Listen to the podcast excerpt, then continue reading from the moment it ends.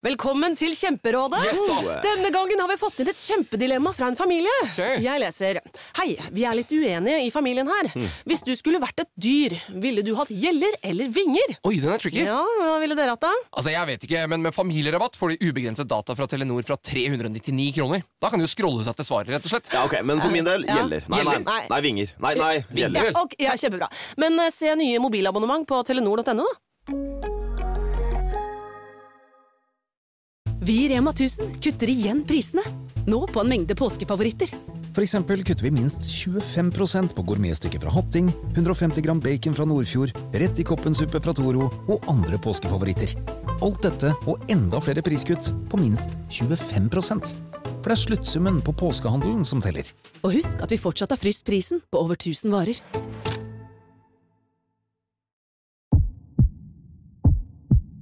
Otto og Anne tar pulsen på landet. Ja, det gjør vi. Jeg heter Otto Jespersen, og hva var det du het igjen? Jeg heter Anne Grosvold, og hver uke har vi med oss en interessant gjest. Det har vi. Otto og Anne tar pulsen på landet, hører du der du hører podkast. Ready? You have the cameras rolling? He was hosting boozy parties in Downing Street. Well, when the president does it, that means that it is not illegal. I have a dream. We will win this election and we will change the country together. We have just received word of a decision in one of the most consequential cases before the Supreme Court in decades. Velkommen. Velkommen. Jeg heter Eirik Bergesen, Og jeg heter Sofie Høgestøl. Og vi pleier å begynne disse podkastene med å si at dette er vårt eh, nokså uhøytidelige, veldig personlige forsøk på å gå bak ukas nyheter. Men i dag, eh, Sofie, så er vi veldig mye mer personlige, og faktisk litt mer høytidelige. Ja, dette er vår første spesialepisode. Vi fikk jo en hel drøss med henvendelser etter abortdommen kom på fredag, om vi ikke kunne spille inn en spesialepisode, og det syns vi at vi nesten måtte etter denne helgen her. Så vi prøver oss på special podding. Abort. Ja, og altså vi, hvis vi går tilbake da, til fredag morgen, da satt vi her, Mm. eh, og du som jo er ekspert på sånne ting, Mm. eh, har jo sittet og fulgt med på Høyesteretts eh, hjemmeside lenge, eh, og eh, mente den gang at aldri i verden om amerikansk høyesterett eh, kom til å Eller jeg tenkte. tenkte, og, og, og at kommer de faktisk til å ville påvirke det amerikanske samfunnet så mye at de den ene dagen utvider eh, mulighetene for våpenbruk, og neste dag innskrenker mulighetene til abort. Og jammen gjorde de ikke det. De gjorde det, altså eh, Høyesterett har jo ofte sagt at de ikke vektlegger sånne type hensyn, at de liksom ikke De spiller ikke politikk med når de slipper dommer, og det viste de jo for så vidt at eh, de ikke gjorde forrige uke. For jeg tenkte jo at det, det er liksom tre-fire store dommer som gjensto innen fredag forrige uke. Det var liksom, det var den våpendommen, det var abort, eh, det var er- en om eh, å kunne be på skolen, som kom for så vidt på mandag. Eh, og så er det en siste om miljøhensyn. Så det var sånn fire, man venter på sine fire blockbusters som man visste var viktige saker. Og jeg tenkte, da slapp de våpen på torsdag, kanskje de gir oss litt pusterom før de slipper, for de har jo noen kjedelige saker også. Så jeg tenkte kanskje vi får to-tre kjedelige saker på fredag, og så kommer de siste store sakene uken etter. Men det skjedde ikke. For hvor var du? Jeg var hos NRK. Hvor var du når dette skjedde? Altså, jeg eh, Dette var litt tilfeldig, fordi jeg var eh, på TV 2 egentlig. Jeg hadde ikke noe Det var ikke noe sendinger. Jeg skulle bare jobbe litt. Sånn skulle bare henge på TV 2. Nesten. Eh, og så skulle jeg også fordi at TV 2, i motsetning til NRK, ligger i Bjørvika, som ligger rett ved badestranda. Så jeg hadde, jeg hadde faktisk tatt på meg badebuksa, eh, og eh, jeg hadde vel noen sånne slippers-greier, og var, hadde gått altså, vidt ti meter ut av døra.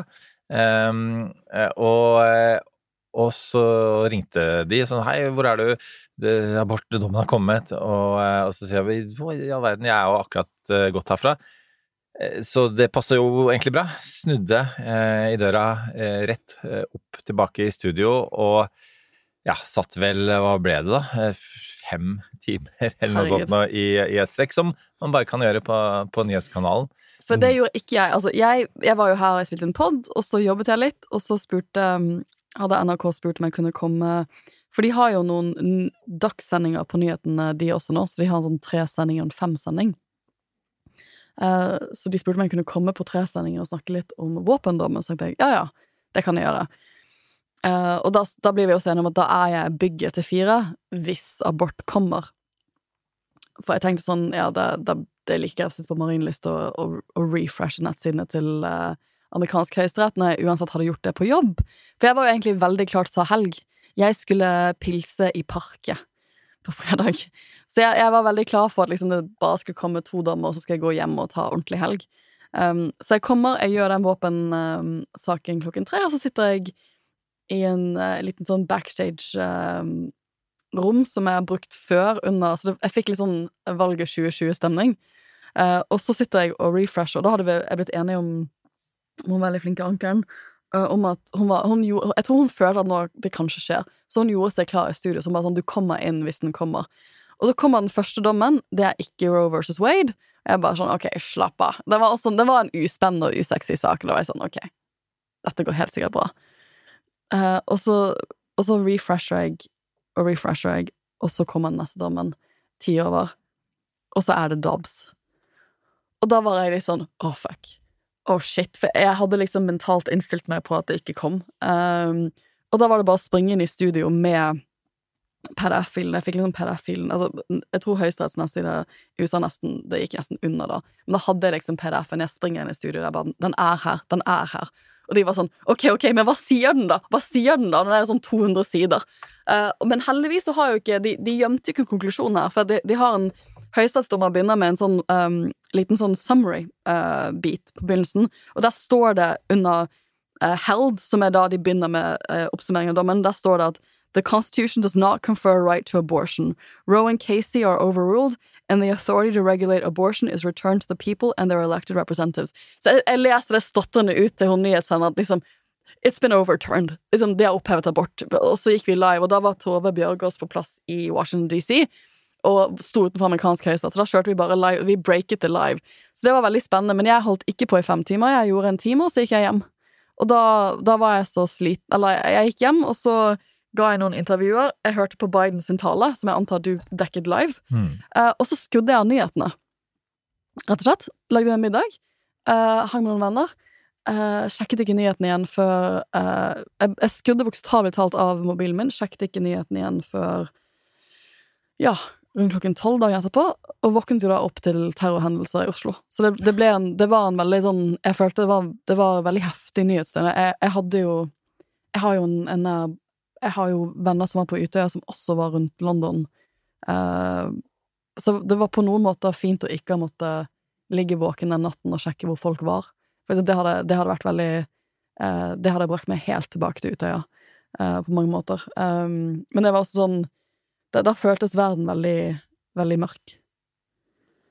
Og, og det er jo Vi begynte jo denne poden her eh, av verden ble veldig mørk veldig raskt, eh, og eh, ikke minst med Russlands invasjon i Ukraina. Og, og vi hadde på en måte en idé om at eh, noe av det som var blitt normalisert i verden, det var USA, for vi har jo sittet oppi eh, ja, midt i Trumps verden, bokstavelig talt, i de siste fire, og så pluss pluss ett år med valgkamp, og så pluss ett år med hvor Biden har, har, styrt. Men så kommer jo altså dette her slags sånn spøkelse fra fortiden Mm. med, med Obama, med Trumps eh, dommerutnevnelser, eh, og, og så er vi egentlig tilbake i den galskapen som, som vi, vi hadde, trodde vi hadde flyktet fra. Mm. Eh, og så blir jo denne poden i dag Vi skal en sving innom pride også Ja. på slutten her, men eh, det blir jo, det blir jo ekstremt dystert og ekstremt viktig f- prøve å trekke sammenhenger, Mm. prøve å se Altså, vi har vært midt oppi de løpende nyhetene sjøl, Mm. men, men hva er det egentlig man til sammen har funnet ut av? Hva er det man har kommentert i løpet av helga? Hvor står vi nå? Ja. Eh, Som uka mer eller mindre begynner, eh, og både eh, med tanke på sommeren som kommer i USA, og mellomvalget som kommer i november. Så det er jo dette vi nå prøver å gjøre. Så for de som eh, ikke har skjønt det allerede, vi hopper over det lille bildet denne gangen. Det, Ja, er, det er ingen det- små bilder, det er bare er- store denne uka her. Dette er liksom bildet for meg, for det, jeg skulle jo egentlig på masse pride-greier på lørdag. Og det var jo For jeg våknet opp og var sånn Å, herregud, jeg forsovet meg fra en del i pride-fokusen jeg skulle på før jeg skulle ut og gå i tog. Og det å bare våkne opp til at alt hadde blitt avlyst, terrorangrep, eh, det, var, det var veldig, veldig surrealistisk. Um, så jeg gikk på jobb på søndag, eh, og det juridiske fakultet ligger veldig nærme denne puben, så jeg går ofte forbi denne puben. Og det føltes også veldig, veldig rart. Um, men jeg gikk på jobb søndag og leste hele dommen. Så det, det var og, og, og på mandag I går så har det jo vært mye abortkommentering. Så nå, nå Men jeg, vi får jo ikke Eller du har jo fått snakket fem timer om dette. Jeg får jo ikke den type tid på NRK. Så nå skal vi forklare hva som egentlig har skjedd her. Ja, for du har fortsatt det behov for å snakke ut, og det har jeg også. Det har ikke blitt noe mindre. Altså, for å si det sånn, man Jeg er en sånn som sitter tolv timer eh, på en sending i løpet av en valgnatt, eh, siste USA-valg eksempel, og går tilbake på hotellet og tenker fortsatt på ah, men jeg skulle ha sagt det og det og det, og begynner å notere og gjøre meg klar til neste mange timers runde. Men eh, Sofie, du ja. sitter, ja, du sitter jo her med, med dommen, rett og slett. Den er ganske krøllete etter hvert. det Her er det mye små gule mm, Ja. lapper, eh, og du sitter til og med med den amerikanske konstitusjonen foran deg. Jeg har en liten sånn, um, liten sånn pocketversjon av den amerikanske grunnloven som du kanskje får kjøpt på The National Archive, som heter museene i Washington DC. Den har jeg hatt siden jeg tok eh, Denne er ti år gammel. Jeg kjøpte den da jeg tok amerikansk grunnlovsrett. Og som jeg har sagt på poden før, så skrev jeg eksamensoppgaven min i amerikansk grunnlovsrett om abort. Så dette, dette er saker jeg har liksom studert ganske nøye, da. Og det var liksom den nest siste eksamensoppgaven jeg skrev mai eh, 20 eh, ja, mai 2012, før jeg gikk ut av studiet. Og det er sånn interessant å se tilbake på nå, da, for eh, det året jeg eh, studerte i USA, så gikk jeg Så bodde jeg med en veldig hyggelig kvinne som heter Tiffany Lee, my roomie. Vi bodde på campus. Og Tiffany er også jusforsker nå. Uh, vi, liksom, vi satt der med store drømmer om å kanskje, kanskje bli jusforskere, det, det virket så, så, så, langt, så langt fra våre realiteter, da. Men hun er, um, er jusforsker. Hun har valgt det var, det var det hun begynte for Hun gikk liksom på første året på jussen, på vanlig amerikansk jusstudie. Eh, hun, hun er fra USA. Eh, og hun, hun har liksom nettopp begynt å tenke sånn mm, Kanskje jeg skal spesialisere meg i tech-jus, som jeg syns var rart, for hun har bachelorgraden hennes, for du må ta en bachelorgrad før du tar jusstudiet i USA, var i engelsk, Sånn English literature, så jeg syns det var sånn litt spesielt at hun skulle velge tech, da. Tenkte sånn, ja, ja, det er sikkert, men tech-jus har jo blitt superstort, og hun er jo Altså, hun er jo bare meg kulere. Hun er jo da en MSNBC-kommentator på tech-jus. Um, og jeg tenkte litt på at jeg bare tenkte på sånn, For ti år siden så sitter vi der. Det er ikke så liksom, for, ja, nok nøyaktig ti år siden Så sitter vi der og stresser over disse eksamene Og Jeg husker bare sånn Jeg sitter på biblioteket. Den eksamen i amerikansk grunnlovsrett Var en sånn 48 timers hjemmeeksamen Hvor jeg døgnet det andre døgnet For jeg ender opp ofte med å døgne det andre døgnet. Jeg sitter opp som midnatt liksom med alle disse abortdommene Og bare sånn, Å, herregud. Og Tiffany gjør litt det samme på sin side For hun hadde også amerikansk grunnlovsrett da og ti år senere så sitter jeg og kommenterer dette her i Norge, og hun skriver en kronikk i går som vi kan legge ut på siden vår for MSNBC om at kvinner som har syklusapper, hvor du trekker mensensyklusen din, de må slette de appene nå, hvis du bor i en delstat. For at de, hun har jo forsket mye på sånn privacy issues når det kommer til apper, og, og, hun, er, det, og det, hun er jo ikke den eneste som sier dette denne uken her i USA, at hvis du bruker en sånn syklusapp, så risikerer du rett og slett at staten saksøker app-selskapet for å få tilgang til helsedataen din, og du vil kanskje ikke, hvis du bor i en delstat hvor abort nå er totalt forbudt, så vil du kanskje ikke at staten skal vite når du har mensen. Og da tenker jeg sånn, nå er vi inne i en veldig, veldig dyster Det er dystert, det. Det er mørkt. Det er mørkt, det. Det hadde jeg aldri trodd for ti år siden. Um, så jeg vet ikke hvor du vil begynne med denne dommen, Eirik. Ja, altså jeg som eh, er ikke-juristen blant oss, eh, jeg eh, for nye lyttere hoppet av midt i andre avdeling. Litt for kjedelig. Men har studert mer norsk jus enn meg, da. Mm, så Det er viktig fun fact.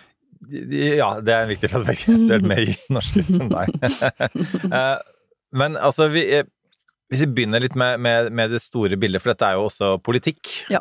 Um, fordi, fordi det som Altså, du, du satt og bladde her i, i konstitusjonen, og så bare så jeg på innfeltet der, så står det altså da We the people. Ikke sant? Som jo Ja. handler om at det er folkets vilje som skal skje skje gjennom Grunnloven, og tolkningen av den.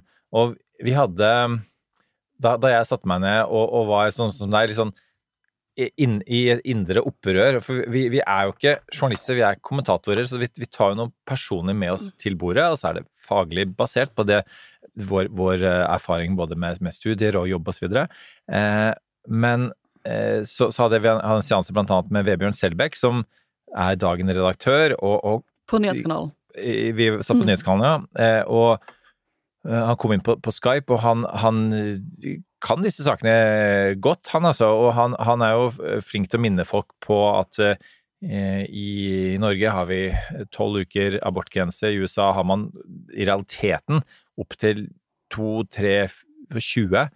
Um, og, det er mye vi ikke vet om hvor liberale amerikansk amerikanske eh, abortlovgivning er med Roe versus Wade, eller var det. Men, men, men så, så, så, sier han mer eller mindre at Eh, hva, hva, altså, dette er ikke en politisk skandale, fordi her er på en måte eh, nå, nå, kan folk selv bestemme eh, i, gjennom eh, vanlige politiske prosesser, og det er det beste. Mm. Eh, og da ble, da merket jeg, da ble jeg litt sånn eh, Vi har en god tone, vi, altså, vi har diskutert før, men altså, da ble jeg spesielt oppbrakt, fordi jeg tenker sånn Nei, folkeviljen er ikke der, og det vil ta lang tid å etablere det gjennom disse politiske prosessene. Eh, og det høyesterettsdommerne gjør, da, flertallet, eh, er rett og slett å ikke eh, følge folkeviljen. Og i Norge har vi jo allmenn rettskjensle, det husker jeg fra min tid, og, og, og det er jo ikke fullt her. Nei, det, men kan, jeg kan bare prøve å forklare hva som har skjedd juridisk her. For det som skjer, er at jeg husker, at, jeg husker veldig godt at når vi, vi, begynte å lese disse sakene med professorene mine på Georgetown, så husker jeg at en av professorene mine sa sånn Du, Sofie, Norge er et sivilisert land. Og i et sivilisert land som Norge så har dere greid å sitte der ned og krangle dere frem til en abortlov som alle kan leve med.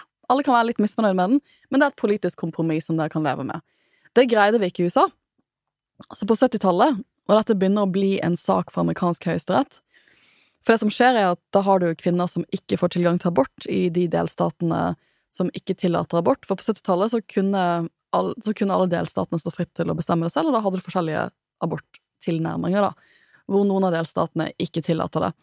Og da begynner en del kvinner som ikke får tilgang til abort, å saksøke sånn at de kan få det, saken opp i Høyesterett. Deriblant en kvinne, Roe. Um, hun saksøker staten Texas. Han som ja, da er liksom, jeg tror attorney general i Texas heter Wade, så derfor heter dommen Roe versus Wade. Uh, hun um, anker det helt opp til amerikansk høyesterett ved hjelp av masse organisasjoner, selvfølgelig. Um, og mener at dette er grunnlovsstridig at hun ikke får tilgang til noe aborttjenester i staten Texas. Og det amerikansk høyesterett gjør da, er at de sitter seg ned, og det er ganske spennende for de som er ekstra interessert i dette, så har The Washington Post en veldig god og spennende artikkel eh, som ligger på nett nå, om liksom det historiske bakteppet til denne dommen, og hvordan en del av dommerne tenkte rundt dette, for de har rett og slett fått tilgang til interndokumenter dommerne skrev og sånne ting, så det, jeg syns jo det er veldig, veldig spennende. Um, men da dommerne skjønner at her må de liksom inn og se på dette spørsmålet. Og så tenker dommerne at vi har jo sagt i en del høyesterettsdommer fra før at det 14. grunnlovstillegget, som kom inn i den amerikanske grunnloven i 1868, der har vi sagt i tidligere dommer at det ligger en rett til privatliv. Det står ikke ordet 'rett til privatliv', står ikke rett uten den amerikanske grunnloven. Men de har tolket det inn i det um, 14. grunnlovstillegget til den amerikanske grunnloven. Uh, og så konkluderer de i denne saken fra 1973 at den retten til privatliv må også bety en sånn rett til privatsfære for en kvinne som er innenfor visse stadier av svangerskap. Men så sier de at um, Og det, det, er jo liksom det som er interessant for den Washington Post-artikkelen, for da snakker de om hvordan de går frem og tilbake. Altså, en dom modnes jo over åtte måneder, og hvordan dette spørsmålet modnes i daværende amerikansk høyesterett, hvor de går fra å være ganske enige om at de skal si at det er en rett til privatliv som for kvinner innebærer en rett til selvbestemt abort. Men så går de etter hvert litt lenger enn det de hadde, Ifølge disse dokumentene, disse historiske dokumentene, så hadde de ikke tenkt å gå så mye lenger enn å si akkurat det. Men det gjør de i den endelige dommen. Da har de eh, tenkt litt på det, og så sier de at um, sånn, da, da, har man en rett til selvbestemt abort inn, inntil viability, altså inntil fosteret er levedyktig. Men at staten for det er liksom, desto større fosteret blir, desto mer har staten interesse for å begynne å komme inn. Så de sier ikke at du ikke kan regulere noe som helst eh, inntil fosteret lever dyktig, men de sier at i sånn ca. første trimester så er det kvinnen som helt bestemmer selv, og så etter det så kommer, kan staten komme og legge litt mer eh, ekstra grenser inn. Eh, men det, det Og det er jo Da er det syv av ni høyesterettsdommere som går med på dette, deriblant konservative dommere. Og på det tidspunktet så er ikke abort blitt en sånn stor kulturell kampsak i USA. Jeg kan også bare minne om at eh, presidenten den gangen var republikansk, og han het Richard Nixon, og Ja. han støttet også dette. Det er vel, og det er en viktig, det er en viktig faktor i dette historiske bakteppet som Washington Post uh, seiler opp. Uh, og, det, og på det tidspunktet så var ikke abort blitt en sånn kulturell kampsak. Men så kommer denne abortdommen, og resultatet av at Høyesterett tolker det inn i den amerikanske grunnloven, det er at alle delstater må tilby aborttjenester. For hvis det er grunnlovsfestet, så må alle delstatene gjøre det. Eh, og da får du en del eh, sørstater som ikke ønsker å tilby aborttjenester, som Texas, Sånn som en av de første delstatene igjen til å innføre forbud nå eh, over helgen. Symbolsk nok, syns jeg. De eh, må da tilby aborttjenester. Og så blir abort etter hvert Det er en veldig fascinerende Netflix-dokumentar om dette som jeg ikke husker navnet på nå. Som skildrer liksom hvordan det blir en kampsak for deler av kristenkonservativ og katolsk høyreside i amerikansk politikk. Eh, og blir virkelig sånn stor kulturkamp etter hvert. Og det er sånn vi må forstå det. Eh, for, og, da, og det blir en sånn kampsak mot amerikansk høyesterett. For det, det er nok litt av svakheten. Og jeg, jeg må bare si, Første gang jeg leste Roe versus Wade, så skjønte jeg litt hvorfor det er en kontroversiell dom. For det at Det er klart at amerikansk høyesterett går veldig langt i å tolke noe inn i den amerikanske grunnloven som ikke står der. Og det er alltid kontroversielt å gjøre.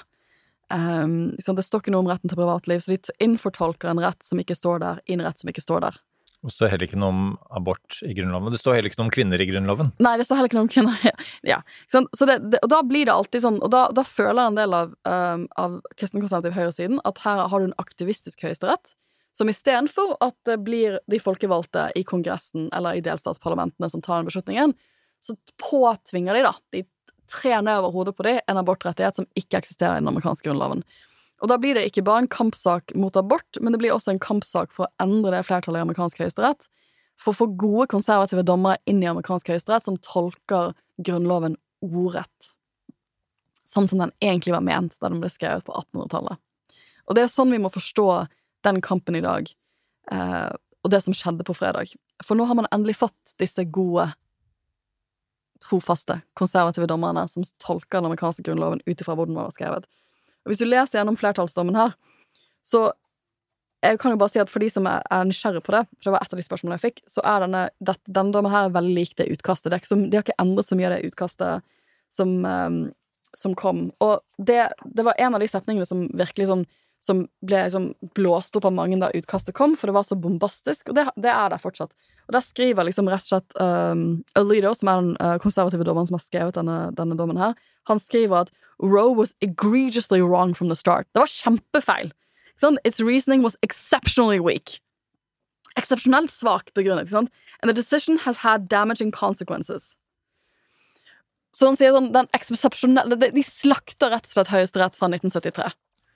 Og, der må man vel kunne legge til at uh, dette er jo en dom som har blitt opprettholdt i Ja. hele veien siden Ja. den gangen. Så det er jo også mange konservative dommere som har ment at uh, enten at den, nei, den er Mm. ikke så svak, men at selv om den er noe svak, det var noe mm. som Ruth Bader Ginsburg også mente, så ville det være for dramatisk å sette Ja. den til side. Noe som var eh, høyesterettsjustitiariusen eh, Sin- Roberts sin eh, For det, for det, det de skriver, han skriver sånn lenge, sånn, sånn Roe, however, was remarkably loose in its treatment of the constitutional text. Altså, de, var, de, de spilte løst og ledig med det som står i den amerikanske grunnloven.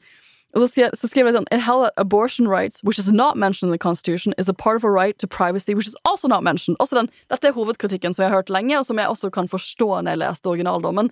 At du tolker inn en rett i en annen rett som ikke står i Grunnloven. Kan jeg bare spørre deg der, Sofia, fordi eh, en sånn eh, liten sånn der, en digresjon kanskje, men eh, vi satt jo her i podkaststudio i mai, da vi også hadde om abort, eh, og, og da denne, dette utkastet ble lekket, Mm. og spurte, det var litt sånn who og spurte oss selv, vent nå litt, hvem var det som egentlig lagt det? Var det en liberaler for å sørge for at, måtte, å forberede si, eh, amerikanerne på det, eller var det motsatt? Var det en eh, konservativ som lagt det? også for, eh, for å berede grunnen, sånn ikke liksom, at USA fullstendig skulle erupt i en volcano av, av politisk protest? Hva tror du nå? Jeg, jeg syns det er veldig vanskelig å si. De har jo en etterforskning pågående. Um, den har ikke konkludert. Og det er ikke så mange som jobber i amerikansk høyesterett. Det, det kan ikke være så mange personer. Det er jo det som er så sensitivt her, og har ødelagt så mye arbeidsklima. At det, er ikke, det kan ikke være så mange personer i praksis. Alle dommerne har liksom sånne domsassistenter. Eller utredere, som vi kaller det på norsk. Som hjelper de å skrive dommene sine. Som er sånne toppflinke jurister, ofte nyutdannede, ganske nyutdannede, som jobber for dem. Um, og ja, utover det så er ikke det så stor sekretariat i amerikansk høyesterett. Men jeg er heller kanskje fortsatt for at det en, var en konservativ person, for at domsutkastet har jo ikke endret seg så mye. Uh, for det, det, var jo, det var jo kanskje den teorien jeg hørte som var mest overbevisende for meg. Da var at ved å lekke dette utkastet her, så binder man jo de fem konservative dommerne til masten. På at hvis de hadde endret For det store det store spenningsmomentet for oss som fulgte dette, var om vi visste, som du sier, at høyesterettsjustgjørelsen ville ikke gå så sterkt ut som det de har gjort her. Og det skriver han rett ut, for han høyesterettsjustgjørelsen, Chief Justice Roberts, skriver sin egen lille kommentar til denne dom, dommen in a concurring opinion, som de kaller det. Og der skriver han rett ut at jeg skulle gjerne sett at vi tok stilling til det konkrete spørsmålet i denne saken her, og det er om 15, det om å begrense eh, abort etter uke 15, om det er i tråd med Grunnloven eller ikke. For gode konservative dommere de tar jo stilling til spørsmålet i saken. De går ikke inn på masse prinsippspørsmål som ikke har blitt reist. Og det skriver han rett ut at in my respectful view, the sound exercise of the discretion would, sh uh, should have led the court to resolve the case on the narrow, narrower ground set forth above, rather than overruling Roe and Casey entirely. Vi burde vært gode konservative jurister og bare tatt stilling til dette 15-ukersspørsmålet. For da ville man ikke tatt stilling til om det var en prinsipiell, eller prinsipielt om det var en rett til abort eller ikke i den amerikanske grunnloven. Um, så det store spørsmålet har jo vært om Roberts hadde gre har liksom greid de siste månedene å overbevise minst fire av de andre dommerne da, til å komme over på den moderate linjen. Det har han ikke gjort. Så det var mange som, som lurte på sånn, når dommen kommer, står det en A ved siden av den? For da, da er det Alito som har skrevet den, eller står det, er det Roberts, Chief Justice Roberts som har skrevet den? Og det, når, når jeg så at det var en A ved siden av Alito, da var jeg sånn, ok, vet, da, da visste jeg egentlig hva konklusjonen var. For det betyr at han, han har tapt internt i amerikansk høyesterett. Og det er, litt sånn, det er jo litt skamfullt når du er høyesterettsjustitiarius, og du, du skal egentlig være sjefen for disse folkene, og, og du er jo konservativ dommer selv, at du har, du har mistet dem, men det er jo nå seks konservative dommere i amerikansk høyesterett, og du trenger et flertall på fem, så disse fem mer konservative dommere, de trenger han ikke lenger. Sånn, altså, hvis du går tilbake til i fjor, da, før Amy Coney Barrett kom inn, eller forfjor, så var det Chief Justice Roberts som bestemte nesten alt. Han var nesten alltid vippestemmen. Det var han som virkelig hadde, han hadde så mye makt. Og nå er han litt på sidelinjen, for du har et mer konservativt flertall som ikke trenger han lenger. Men så, liksom, så, så, så det er liksom sånn, det er begynnelsen på dommen er at uh, Roe er bare sykt feil. Og de skriver sånn, ja, liksom, og sånn, ja, de sier at det er en rett til privatliv, men de greier liksom ikke, og det er nok en svakhet med Roe-dommen, at altså, han påpeker liksom, de greier ikke å pinpointe helt hvor den er. De, de nevner alle er Kanskje den er The 14th Amendment, kanskje The First, Fourth, Fifth. Ikke sant? De har ikke en god nok grunn til det. Uh, og, men så går jo dette For det, det er jo det du, som du sier uh, Og det tror, jeg var, det tror nok har vært vanskeligere for de konservative dommerne. Hvis du er en konservativ dommer, så liker du at Høyesterett følger presedensen sin. Og som du sier, abortsaken den er 50 år gammel, og så har spørsmålet vært innom amerikansk høyesterett siden. Den har blitt opprettholdt av andre dommere siden. Og eh, vi må bare dvele litt ved disse dommerne, fordi du, som du sier at eh, gode dommere de går ikke eh, inn i alle mulige andre prinsipper som ikke er en del av dette. Men det er jo akkurat det vi ser de gjøre. Både det flertallet som eh, eh, har bestemt dette, men også eh, Clarence Thomas, som nå sier at eh, ja, nå, nå er det jo åpenhet for at man kan vurdere andre typer ting. Eh, og det, det kan være sant, eh, prevensjon, det kan være seksuelt samliv, det kan være Ja. homofilt ekteskap og andre ting som er regulert av, av Høyesterett. Så, så det er jo framtiden nå. Eh, Ja, og vi, vi kommer til det, for at, så, så de, sånn, de begynner dommen med sånn, flertallet med å si sånn Ja, ja, det var, bro, var bare sykt feil. Men så er det vanskelig for de, som de, som de, som de kaller sånn the doctrine of stare decisis. Og den, det er egentlig bare en veldig fin latinsk måte å si at Når vi har gjort noe før, så gjør vi det, altså, gjør vi det gjerne. Vi følger gjerne presedensen av dommene vi har avsagt tidligere. Og de sier jo sånn? De sier jo at stare decisis plays an important role in, in our case. Liksom. Vanligvis så respekterer vi ting som har blitt sagt før. And we have explained that it, it mm, serves many valuable ends. It protects the interests of those who have taken an action in reliance on a past decision. Med andre ord, ikke sant? hvis du bare hele tiden går frem og tilbake på ting du allerede har avgjort, hvordan skal folk ha forutsigbarhet? Hvis det kommer en høyesterettsdom, og folk justerer seg til den høyesterettsdommen, så er det litt urettferdig hvis du kommer ut to år senere og sier noe helt annet. Og det er jo litt det, Dette er jo en rettighetsspørsmål. ikke sant? Her har jo amerikanske kvinner i 50 år innrettet seg etter at de har en rett til abort. Og da er det vanskelig å bare gå ut og si sånn Nei, just kidding. Vi tok feil i 50 år.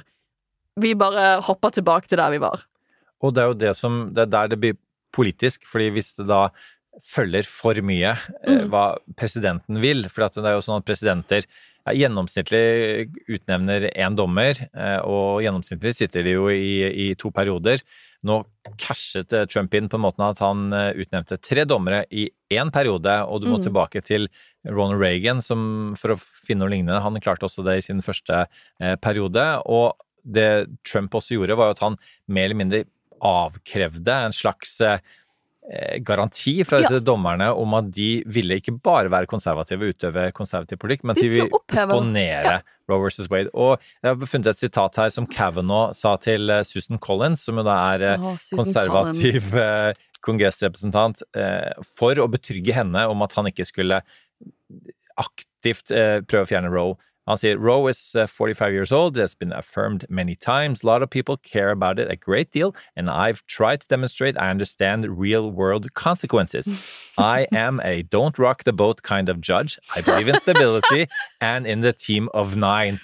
Og så har han gått imot absolutt alle disse poengene sine. Men det er jo ikke morsomt. Det er jo ikke men det morsomt. morsomt. Det Ja, morsomt. det, jo- det, jo- det oppsummerer jo hele den Det oppsummerer hele sangen, men han har liksom sagt sånn Nei, nei, nei, nei. Jeg, jeg skjønner at det er blitt sagt i 45 år. Jeg er god og, stabil. Jeg vil ikke liksom Vil ikke bare komme og skyte fra hofta og liksom oppheve ting vi har gjort lenge. For de skriver også sånn rett ut i at liksom, det er viktig med sånn å respektere det vi har sagt tidligere, fordi at it restrains judicial hubris. Det stopper oss for å være, eh, bli høy på oss selv. Ikke sant? And it reminds us to respect the judgments of those who have grappled with important questions in the past. Så de skriver det rett ut, men så sier de sånn allikevel! Så kan vi ikke alltid respektere det vi har gjort før. Fordi det, det er klart at hovedpoenget, hovedpoenget deres her er at dette her er så feil. Roe var så feil. It was wrong from the start. Så selv om det er, det er uheldig at amerikanske kvinner nå har innrettet seg til en rettighet i 50 år, det er uheldig, og det er uheldig at vi har sagt dette i 50 år, så er det bare så gærlig at vi må oppheve det nå. Og det som eh, også en del amerikanske mm, aktivister eh, på, altså for abort da, syns er eh, spesielt frekt, er jo på en måte at Alito også mer eller mindre ber kvinner melde seg til tjeneste i politikken eh, for å eh, bli valgt eh, i ulike styre og stell for å gjøre noe med dette her. Altså for å gjøre noe mot en rettighet som han har tatt fra dem. Og da ender du med en sånn mer eller mindre sånn herre let the chips fall where they may. men det som også er sånn jeg holdt, Det jeg gjorde i går, som var veldig, det var veldig veldig hyggelig Jeg holdt et foredrag om samfunnsengasjement til en veldig hyggelig gjeng på um, Oslo sommerskole med videregående. De var sånn 16 til 18. De var veldig, veldig hyggelige. Eh, og da snakket vi selvfølgelig om dette. For de hadde masse spørsmål. Og eh, kanskje en av de mer provoserende tingene som jeg ikke hadde tenkt nok på selv, som Høyesterett gjør, er at de gjør en sånn historisk gjennomgang. For liksom det, de, det er det de rammer det inn på. De sier sånn, Hvis du leser grunnlovsteksten, finleser den, er ingenting om abort. Hvis du ser på hva som skjedde på 1800-tallet, så var det ikke noe rettighet til dette. Og så det de gjør, er at de lister opp i en sånn vedlegg så lister de opp alle relevante lover som eksisterte på 1800-tallet knyttet til abort i alle delstater. ikke sant? Ikke sant? Missouri 1825, ikke sant? så siterer de en liksom, dom om hva som skjer når noen miscarries, or, or to cause or procure the miscarriage of any woman being with child. ikke sant? Det er straffbart. Eh, men da var det en av disse 16-åringene som var sånn Men det er helt sykt at man skal se på 1800-tallet. Det var ingen kvinner som hadde noe stemmerett eller noen form for innflytelse på det tidspunktet. Og det, det er litt sykt. Det er litt sånn ja, ja. Kjipt at det liksom ikke var noe liksom sånn Skit alle disse delstatene hadde. Men, og jeg er liksom også litt uenig med dette. For det sånn, disse delstatene tror jeg, føler jeg også De virker som de kriminaliserer det, og, liksom, og det å liksom um, påføre en kvinne en um, et uh, avbrutt svangerskap, det er også å drepe liksom, Det er klart, det, det hadde jo ikke vært Det er jo ikke lov i dag. Hvis du slår ned en gravid kvinne, så er jo ikke det Det er ikke bra i dag, liksom, det heller. Det, men det å bruke det som det, Hovedrettskilden her er, uh, er ting fra 1800-tallet, hvor kvinner hadde null politisk innflytelse, null rettigheter, kunne ikke stemme. Og så sier man ja, ja, men kvinner, engasjer dere politisk. Det blir kjempefint nå. For ikke å snakke om at, eh, at svarte hadde ingen innflytelse, og Clarence Thomas er, er svart, så at han går i beige med dette her, er veldig Da- spesielt. da- og, ja. og jeg skal bare, nå skal jeg ha bare en liten, liten rant, eh, som en digresjon, eh, for at eh, Da skal jeg ikke ødelegge flowen din her, Mm. eh, Sofie, eller, eller, eller avspore oss, men jeg må bare få lov til å si, som eh, statsviter og ikke jurist, at det er helt ko-ko at eh, Grunnloven skal ha så mye å si. Vi har sagt det før her. Den amerikanske og den norske er da verdens eldste og nest eldste eh, nålevende grunnlover. Eh, og det var ikke engang meningen. Thomas Jefferson sa at hver generasjon burde ha sin grunnlov, for det er helt meningsløst at en generasjon nå veldig mange år eh, tilbake i tid, altså over 200 i Norge, eh, 250 i USA eller noe sånt, skal bestemme over fremtidige generasjoner. Og når du går tilbake og skal drive og tolke på den måten hva disse eh, folkene som ikke åpenbart ikke representerte folket engang den gangen. Før moderne medisin, man visste jo ikke noe om svangerskap på 1800-tallet! Hva visste man om svangerskap på 1800-tallet?! og, og, og så blir det like absurd selvfølgelig med, med, med våpenlovene nå også, for da var det en grunn til å, ha- til å ha våpen og, og beskytte seg selv, for du hadde ikke voldsmonopolet til staten var ikke gjennomført på samme måte, osv. Eh, Altså det, det, grunnlovskonservatisme, som jo er besett på som positiv ting i dag, er det egentlig så veldig positivt, fordi eh, man ender altså opp i USA gang etter gang, nå to ganger på to dager, eh, på, på å vedta ting som ikke er eh, tidsriktig i forhold til hvordan eh, moderne samfunnet, hvordan moderne mennesker innretter eh, livet sitt eh, på, rett og slett. Men det, det, jeg, jeg, jeg kan jo komme med den nyanseringen at jeg er nok enig med at den første Roe vs. Wade-dommen jeg, jeg ser svakheten i den. Jeg skjønner svakheten i den, og jeg er nok enig i at jeg vil nok ikke nødvendigvis gått så langt ut tolkningsmessig som det Høyesterett gjør der. Problemet er at de har gjort det i 50 år, og amerikanske kvinner har hatt en berettighet, tro da, i 50 år på at dette er en rettighet de har i Grunnloven. Og det å da bare ta den bort etter 50 år, det er, det er et sjokk til systemet. Så det, som, det blir jo Det kan godt være at den tolkningen var overivrig i 1973, men jeg vet ikke om det blir noe bedre med å oppheve den 50 år senere. Men jeg jo, altså jeg, har jo fått en del spørsmål om dette her rundt liksom, ja, men vi regulerer ikke abort i vår grunnlov. Og det gjør vi ikke. Um, det gjør vi ikke. Men jo, nå er vi tilbake til et av hovedproblemene til USA, som er for det første at de ikke evner å oppdatere grunnloven sin. For jeg fikk masse spørsmål fra journalister. Ah, hva må til for å ta det inn i Grunnloven? Og det har vært sånn, USA har ikke substantivt ordentlig oppdatert sin grunnlov på 50 år. Det er ikke et levende dokument, det er et dødt dokument, som de nå har eh, valgt inn en del høyesterettsdommere. For det er en sånn klassisk eh, krangel i eh, grunnlovsrett. da. Skal man tolke en grunnlov som et levende dokument, og tolke det dynamisk ut ifra samfunnsutviklingen i dag, eller skal man tolke det som man gjorde på 1800-tallet? Og nå har du en gjeng i Høyesterett som mener 1800-tallet for the win. Og det er sånn, jeg kan, jeg kan skjønne For det det handler om, og det er viktig prinsipielt, det det handler om er at det er politikere som skal sette den politiske agendaen. Så hvis Høyesterett går for langt inn i å tolke ting utvidende, ting inn som ikke var der, så, det, så, så tar de politisk makt fra folkevalgte. Så dette er en viktig debatt, og jeg, liksom, jeg, jeg, ser, all, jeg ser mange av de konservative innvendingene her. Men problemet i USA er at man oppdager ikke grunnloven sin, og så ser man at Kongressen de siste 20 årene har virket, særlig har virket handlingslammet til å vedta lover på viktige samfunnsspørsmål eh, som er kritiske for befolkningen. Så da ender de spørsmålene opp for en amerikansk høyesterett, og da er vi tilbake i ulykka. Ja, og de, de som måtte lure på hva Trump mente med 'Make America Great Again', altså hvilken tid skal vi tilbake til, så er det, da har du svaret, det er 1800-tallet, da verken kvinner eller svarte eller noen minoriteter hadde noen som helst rettigheter. Eh, og før vi går videre til hva eh, det lille mindretallet mener her, eh, Sofie, bare en liten sveip innom eh, eh, høyesterettsjustitiarius eh, Roberts, da, som Ja. jo sa akkurat det du sier nå. At, eh. Rett og slett at han sier at eh, dette representerer a serious jolt to the legal system and an unnecessary dramatic step.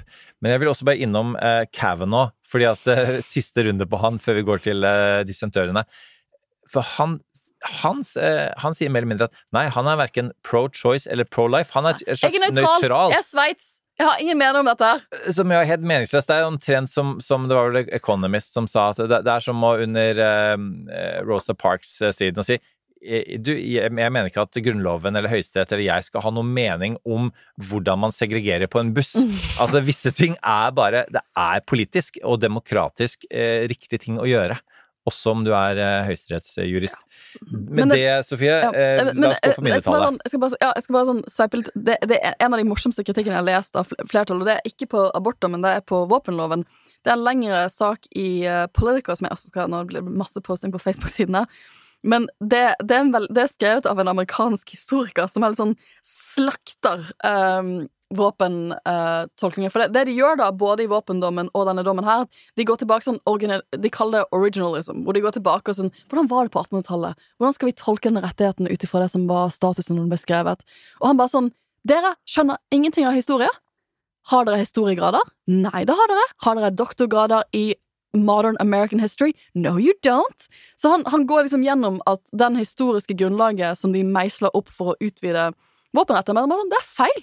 Det historiske grunnlaget så sånn ut. Sånn var dette her historisk på 1800-tallet. Det var sånn og sånn og sånn og sånn.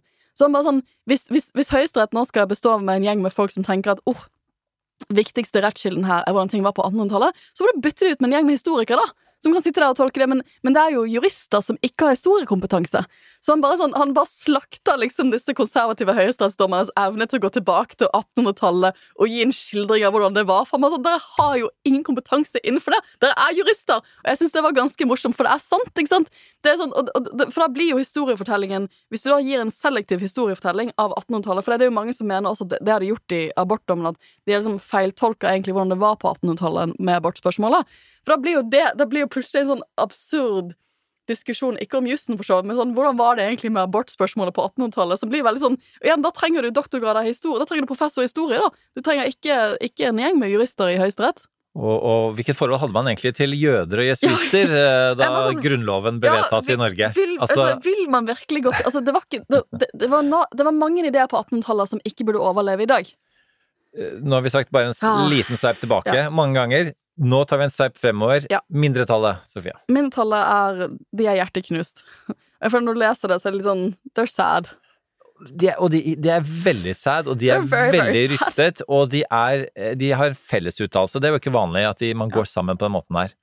Nei, de, har, skriver en fellesuttalelse, um, og hvor de, hvor de liksom sånn Hvor de prøver å besvare svare ut det flertallet sier. Men det er liksom Det er jo egentlig bare å si at vet du hva? Dette har vi opprettholdt veldig mange ganger. Det er faktisk ganske viktig for oss å fortsette med den presedensen. The disruption of overturning Roe and Casey will therefore be profound. Kommer effekten her is profound. Abortion is a common medical procedure and a familiar experience in women's lives. About 18% of pregnancy in this country is end in abortion. And about one quarter of American women will have an abortion before the age of 45. Ja, for det, det er et viktig fakta å bare dytte inn. Altså, en fjerdedel av amerikanske kvinner kommer til å ha en abort i løpet av sin, sin levetid. Eh, og, og, og, så det er ekstremt mange som blir Ja. påvirket av dette. Ja. Og liksom, de sier sånn Dette her er et Du, du kan ikke gjøre dette her nå.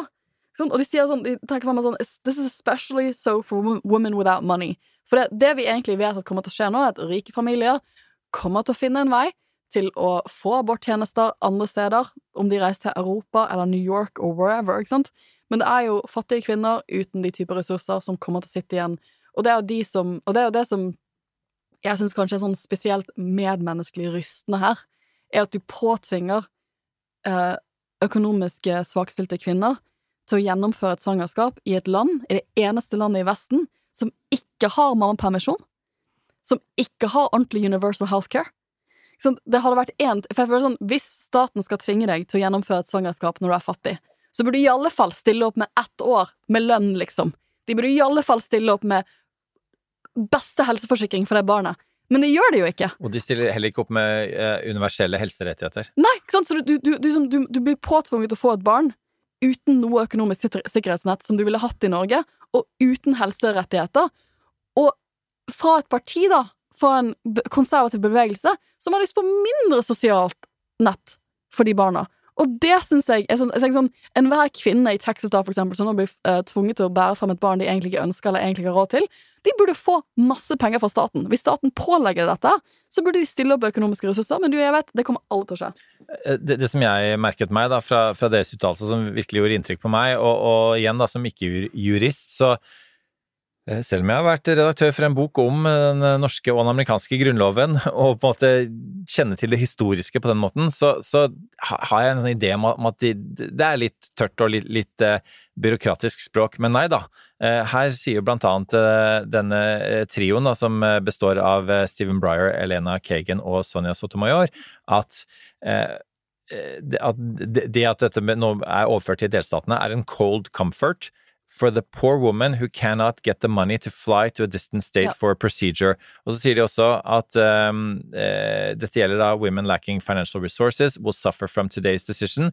After today, young women will come of age with fewer rights than their mothers and grandmothers had. Og det er kanskje den ene setningen som for meg Mm. bare, altså bare av, av alle et skritt fram og to tilbake, som politikken gjerne har, Mm. jeg har sjelden sett, sett noe lignende i et, et moderne demokrati som vi kan sammenligne oss med. Jeg er ikke sånn, Eller vi for- ikke lenger Ja, kan sammenligne oss med. For, for jeg er ikke uenig med de på en del av den kritikken som var mot originaldommen Rover Swade, men når det har vært sånn i 50 år, det å bare ta det bort da uh, det er, Konsekvensene er så dramatiske, spesielt fordi du og jeg vet at det er ikke noe flertall for å innføre nasjonal abortlov i, i USA.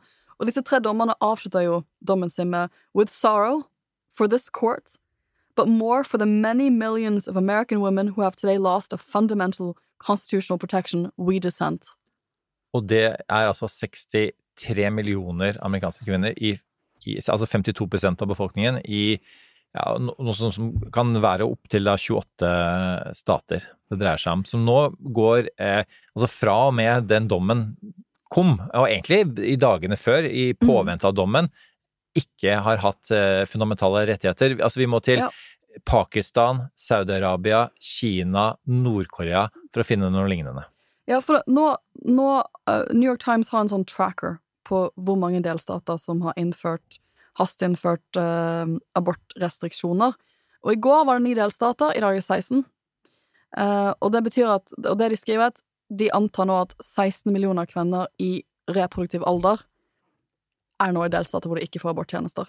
Så det, det, noen av de kanskje mest sånn hjerteskjærende reportasjene jeg så, var hvor uh, liksom New York Times for eksempel hadde en, en serie hvor de var on the ground in Texas på en abortklinikk når dommen kommer.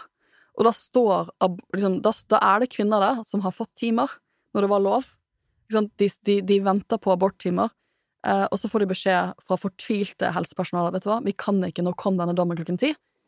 Vi, vi står i et juridisk limbo.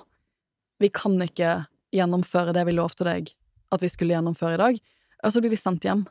Og det sånn, det er sånn natt og dag, sant? for det, den usikkerheten det skaper også det, kan, det var kanskje lovlig for de abortklinikkene i Texas å gjennomføre dette, her. Men, jeg skjønner de veldig godt. Ikke sant? Dommen kommer, du vet ikke hva den juridiske statusen er. Texas har jo innført helt akroniske lover hvor du kan bli personlig erstatningsansvarlig. Det er klart at de må, Men det at de må stenge på, må stenge på timen liksom, når dette skjer, eh, og kvinner som da trodde de skulle få tilgang til aborttjenester, får det ikke.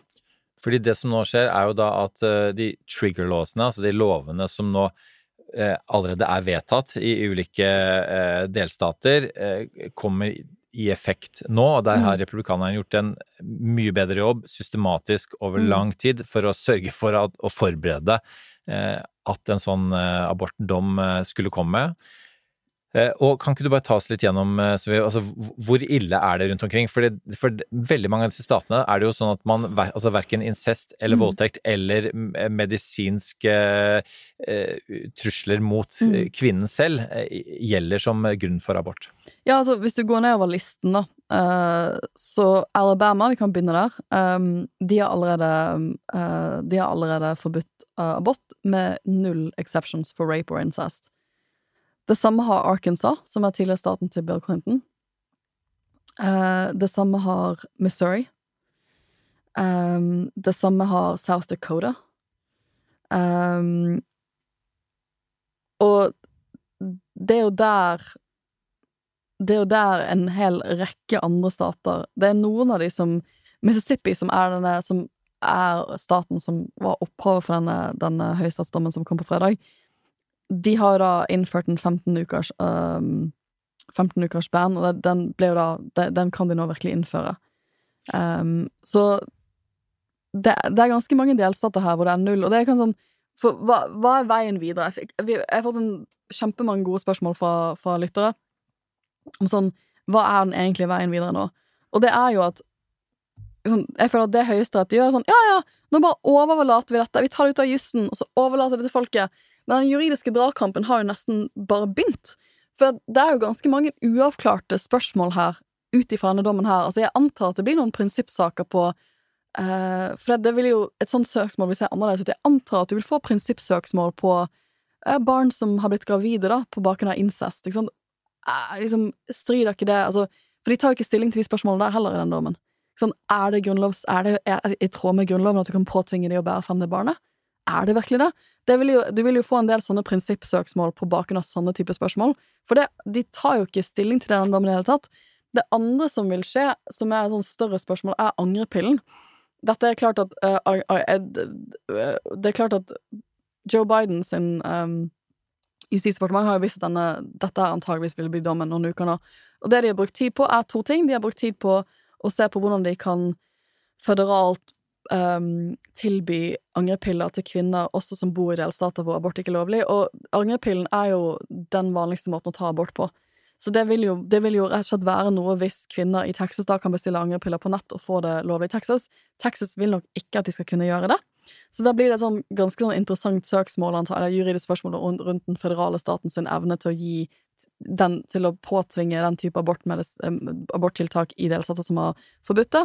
Og så det andre store, uh, uh, store juridiske fronten som Biden signaliserte på fredag, det er at eh, en del av disse delstatene, som Texas, har jo prøvd å legge begrensninger juridisk på kvinners mulighet til å reise utenfor staten og få aborttjenester utenfor staten. Og for at USA skal fungere som et, forent, en forent nasjon, så er det jo visse begrensninger på hvor mye en delstat kan begrense en vanlig borgers rett til å reise til et annet delstat for å gjøre noe som er lovlig der. Det, det er et spørsmål som, uh, det er et spørsmål som eksisterer uavhengig av abort. Men jeg antar at du vil se ganske mange søksmål på det, og det sa Biden rett ut, at det, det, det er det de kommer til å prioritere. Litt fordi at de har ikke så mye andre virkemidler de kan gjøre, men det er en av de tingene de kan gjøre. Men det vil jo fort ende opp for amerikansk høyesterett.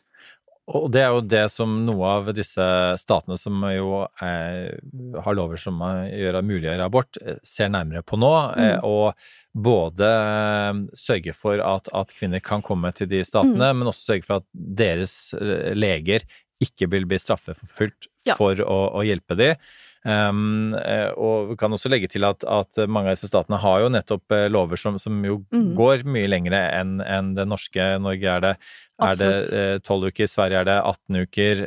og av de 59 landene i verden hvor abort er lov, så er da USA bare én av sju som tillater til etter 20 uker du, du med graviditet. Ha, du vil bare ha et ekstremt stort spenn, for du vil ha noen delstater ja. som ikke har nesten ingen limits on abortion, som New Mexico, for eksempel, som Oregon, uh, som New Jersey, som bare sånn har, har mest, noen av de mest liberale abortlovene i verden, og så kommer du til å ha Alabama, som har null. Så den, det spennet i tjenester, og også sånn California har jo sagt at de skal gå ut nå og og jobbe med at kvinner, kvinner som, at det skal være lettere for kvinner å komme dit, og at de ikke skal Det blir jo viktig at de skal lage lover som gjør at, at en annen stat kan ikke tvinge, tvinge, en lege å utlevere at de har gjennomført abort. Den type. Så, så, USA blir jo ekstremt Det blir jo en juridisk kamp mellom delstatene på en måte som ikke eksisterer så mye på andre felt, da. Så det blir, det blir jo ikke differente United States. Det blir jo det motsatte. Og, og, det føles som en stund siden eh, de statene var så veldig forente. Også en annen eh, viktig nyanse her er jo at eh, de aller, aller, aller fleste abortene skjer jo da i det første eh, trimesteret, altså mm. fram til tolv uker.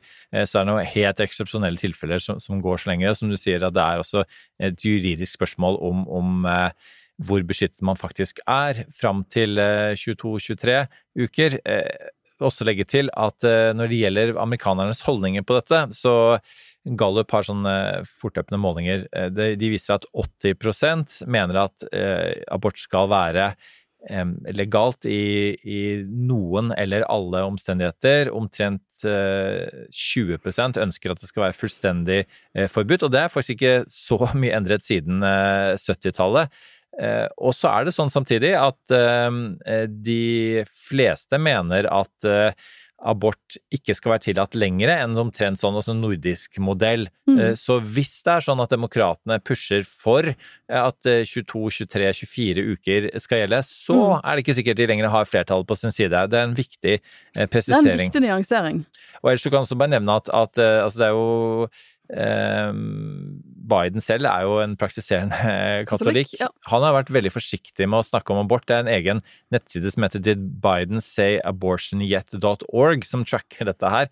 Så han har på en måte eh, Og han har også vært forsiktig med for eksempel også eh, pack the courts, sånn at man da skulle Ja. få inn enda flere høyesterettsdommere for å utligne det flertallet som de konservative har nå. Så Biden selv kommer ikke til å være altfor, er det lov å si, aktivistisk på dette feltet? Nei, og det, det for, jeg, Vi har fått flere spørsmål. Et av de spørsmålene jeg har fått fra en lytter, er sånn Hva er den letteste veien ut? Sånn, hvordan skal man sikre abort um, i alle delstater? Og det er jo Det er nok realiteten nå at det er ingen lett vei ut. For det at eneste måten å sikre abort i hele USA på akkurat nå, som en rettighet, hadde vært å vedta en lov i Kongressen. Og for det at man Og demokratene har flertall i Kongressen, men for å vedta en abortlov så trenger du minst 60 senatorer med de reglene som er Senatet akkurat i dag, og det har man ikke. Og det er nesten ingen realitet. altså Selv om uh, demokratene nå, og det ligger det ikke an til, men la oss si at de gjør et brakvalg på bakgrunn av abort, så får de nok fortsatt ikke 60 senatorer til å kunne gjennomføre det. På sin side så sier jo republikanerne eh, i form av Mike Pence at de ønsker å vedta en national ban on abortion i Kongressen. For en av de mest sensitive spørsmålene har jo vært om man skal gjøre noe med at man trenger 60 eh, For det sitter jo eh, 100 senatorer i Senatet. Og man har innført sånn at for sånne, den type saker, sånn kontroversielle saker, så trenger man reelt sett 60 stemmer.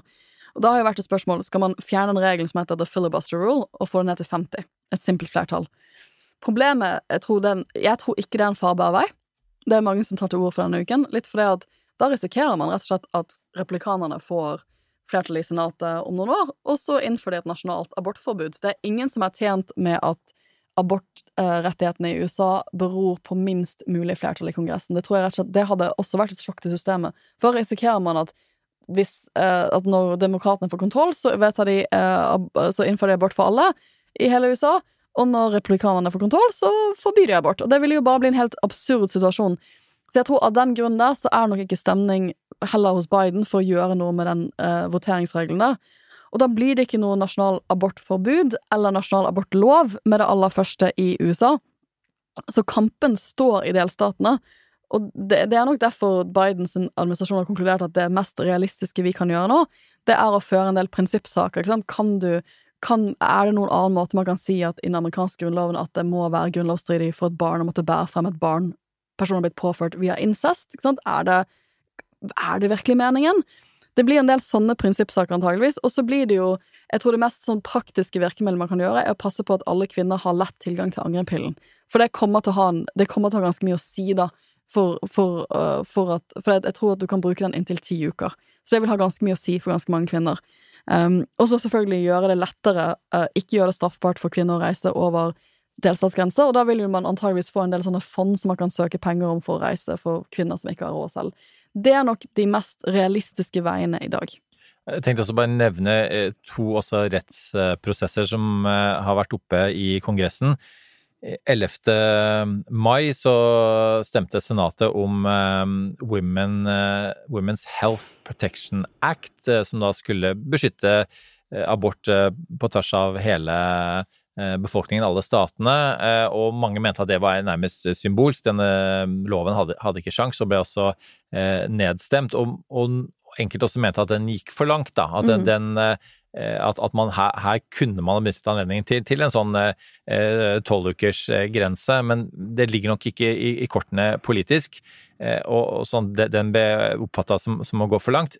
Og kan også nevne at nå er det ja, snart 100 år siden Equal Rights Amendment ble introdusert eh, Mm. i Kongressen, eh, og 50 år siden den eh, eh, passerte begge husene, men har fortsatt ikke blitt eh, til, til lov. Ja. Eh, og, og, og der kunne man jo også eh, ha, ha sett at, at den eh, kunne ha beskyttet Roe versus Wade Ja, i sin tid, Ja. eh, eller, eller, eller kunne lagt grunnlaget for en type sånn nasjonal lovgivning. Jeg har også fått et spørsmål som vi må sveipe innom eh, på Facebook-siden vår, om det Clarence Thomas, for du var så vidt innom det, skrev i sin bit av dommen om disse andre rettighetene som nå kan stå for fall. For Thomas har jo han har hatt en stor uke. Han har skrevet denne våpendommen, has expanded the right to bear arms, og så bare sånn For bare kaste en liten bombe inn i miksen, så skriver han i sin concurring opinion, rett ut, at for this reason, in future cases, we should reconsider all of this court's substantive due process precedent, including Griswold, Lawrence and Obergefell, eh, som jeg aldri sier riktig. Men de tre dommene han sier sånn, han sier sånn I fremtiden så må vi se på Vi må bare se på disse tre, disse tre sakene igjen. Og hva er de tre sakene, spør lytterne våre. Jo, det er da Griswold er retten til rett og slett p-piller, og altså rett og slett uh, Prevensjon. prevensjon. Uh, uh, Lawrence er rett og slett av altså kriminalisering av sodomi, altså sodomy laws, som for meg er sånn Da er vi tilbake til 1800-tallet, da. Altså det er kriminalisering av homofili. Ja, og da er vi, er vi, er vi inne i soverommene til folk. Da er vi enda en Vi er så dypt inne i soverommet til folk! Vi kunne ikke vært dypere inne i soverommet til folk. Og dette er altså the land of the free, hvor private rettigheter og frihet skulle være det Ja, og Oberfell er jo da gay marriage fra 2015.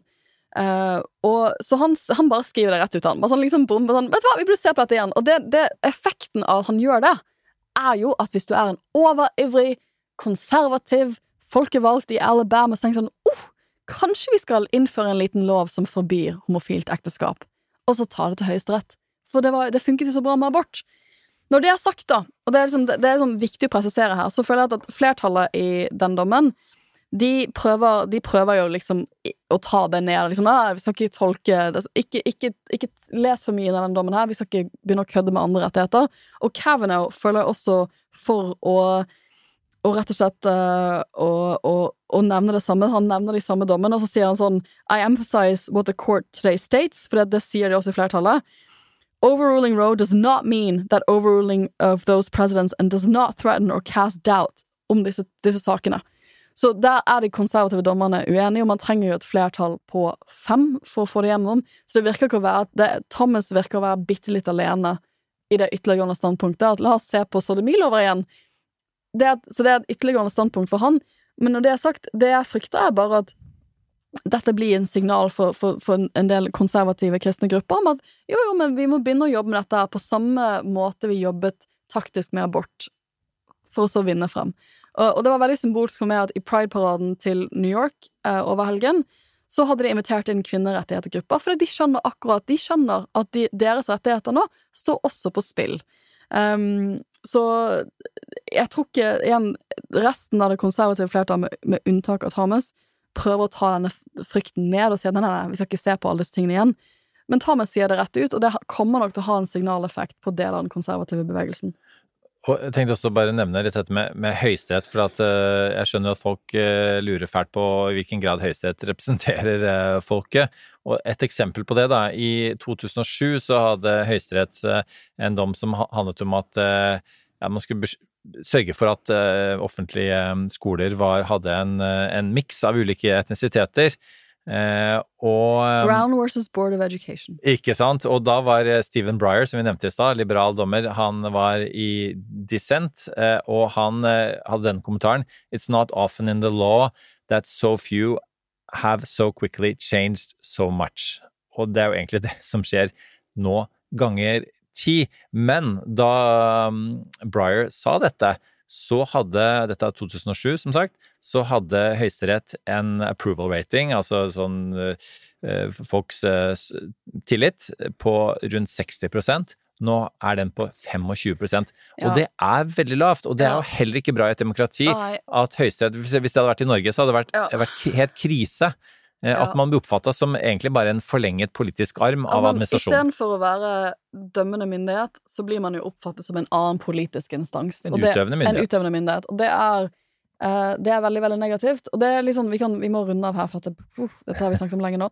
Uh, det er sikkert ikke altså, det, Dette er spennende for våre lyttere, men vi skjønner, vi skal, ha, vi skal vise det måteholdet. Men for det er jo også min sånn Min følelse i helgen var også for så vidt å se en del Og jeg skjønner at det er sterke følelser her, men når du nå ser en del retori av retorikken, også til venstresiden, om amerikansk høyesterett, jeg skjønner at man er sint, så snakker man om en illegitimate court på en helt annen måte. Man bruker ordet ekstremistisk høyesterett. Uh, og man snakker om uh, forskjellige typer måter å endre flertallet i amerikansk høyesterett på, som for eksempel å tvangspensjonere de etter en viss alder, eller å utvide de, eller gjøre forskjellige typer introduce term limits, da. Og liksom, når man begynner å Man vet man er i en demokratisk krise når man begynner å kødde med sammensetning i Høyesterett, for det er det land som Polen gjør. Sånn, så det, jeg skjønner veldig godt Jeg sier ikke at jeg, jeg, jeg sammenligner ikke de, uh, de uh, i demokratiske partier som med, med polske uh, myndigheter, men jeg bare sier at det er Hvis du er der at du har lyst til å endre spillereglene på bakgrunn av For å liksom endre egentlig meningene deres For det er det du egentlig Du ønsker å endre flertallet, sparke ut folk for å endre meningene deres, eh, eller holdningene deres i visse saker. Da er du i en demokratisk krise, altså. Når du begynner å tukle med sammensetningen av domstolene. Det er ikke bra det er ikke, det, jeg, jeg skjønner liksom ikke Jeg skjønner ikke, basert på dette, hvordan amerikansk høyesterett skal gjenoppbygge tilliten, og det, og det, det sa Jeg husker veldig godt at For de hadde muntlige høringer i denne saken her, som jeg hørte på før jul. Og det er sånn interessant, for det er ikke alltid muntlige høringene er en god indikasjon på hva dommerne kommer til å lande på, men det var en veldig god, altså var, var en veldig god indikasjon. Og da sa justice Sonja Sotomayor, som er en av de liberale eh, dommerne, hun sa rett ut Will this institution survive the stench that this creates in the public perception that the Constitution and its readings are just political acts? If people actually believe that it's all political, how will we survive? How will the court survive? Så jeg føler at amerikansk høyesterett nå er inne i en veldig reell eksistensiell krise, hvor det er uklart for meg hvordan de skal gjenoppbygge den tilliten. For at uavhengig om du syns Roe versus Wade var riktig bestemt i 1973, eller om det var en overfortolkning av den amerikanske grunnloven, så er det veldig dramatisk at de har sagt én ting i 50 år, og så bare snur de totalt om på det på kort tid, eh, og opphever hele rettigheten. Sånn at, sånn at jeg tror begge sider oppfatter de som politiske nå. Og det er igjen Jeg vet ikke hvordan amerikansk høyesterett skal komme tilbake fra denne krisen her.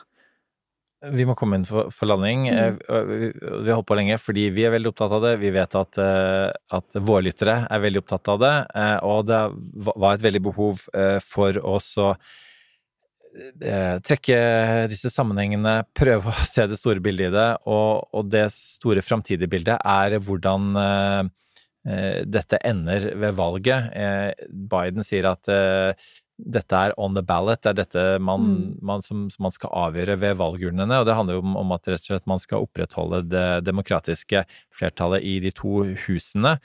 Eh, og eh, bare fra eh, altså jeg tenker kanskje sånn fra et mediestandpunkt, da. Når, disse eh, sakene kommer med en, en eh, ung jente, altså Ja. på alder med, med datteren min på 16, eh, altså er blitt voldtatt og må bære fram voldtektsmannens eh, barn, og, og kanskje til og med bli saksøkt av voldtektsmannen og hans familie for at hun har tatt abort, og havner i fengsel eh, med, med, med en lang straff. Altså, det kommer til å se helt forferdelig ut, og det kommer også til å se helt forferdelig ut for republikanerne, og republikanske strateger på bakrommet vet dette veldig godt, og det er en av grunnene til at de ikke har tatt til gatene for å juble. for at det, i en tid hvor, hvor inflasjonen er rekordhøy, og Mm. alle trodde at republikanerne kom til å vinne valget på grunn av Med økonomien, god margin. med god margin, eh, så er plutselig mellomvalget eh, i spill.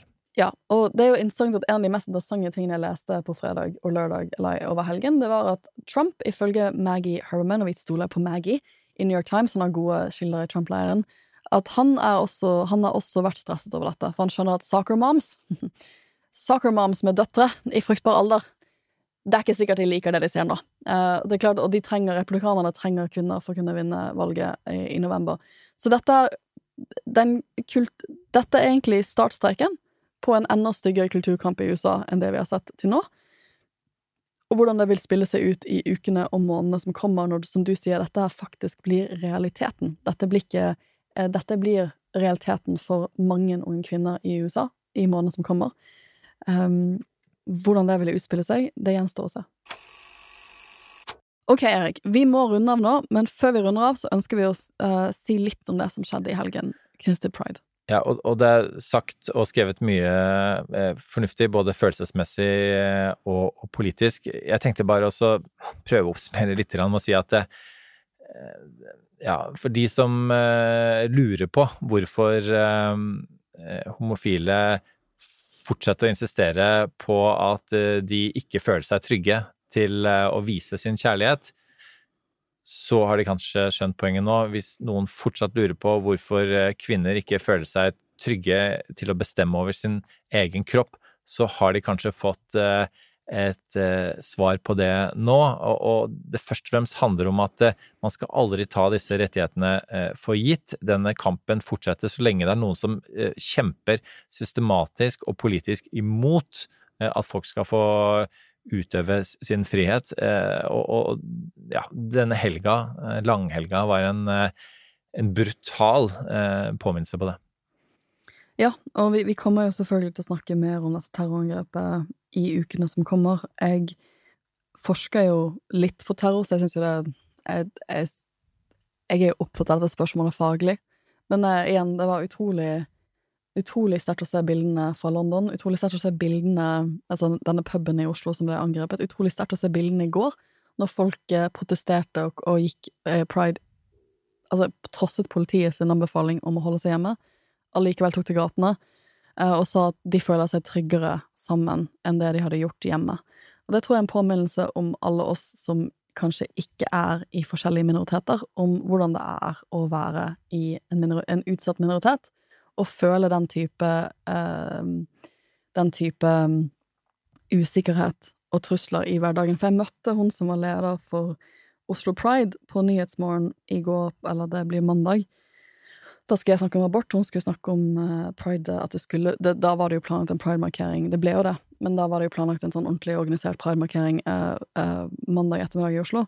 Og som hun sa um, det skeive miljøet er dessverre veldig vant til uh, å få trusler om vold, og oppleve vold på denne måten. Uh, og det, jeg tror det er noe vi andre må ta inn over oss, at dette er ikke nytt. Altså, terrorangrepet er nytt, men det, den trusselen den frykten, den er ikke ny. Og hvordan kan vi som storsamfunn passe på at vi går i, tar noen skikkelig steg i riktig retning for å trygge alle i samfunnet vårt på lik måte? Og amerikanske kvinner er også blitt uh, godt vant og kommer til å bli enda ikke godt vant, men vondt vant til å måtte kjempe for igjen sin rett til å bestemme over egen kropp eh, fremover. Og det er verden i 2022, eh, sommeren.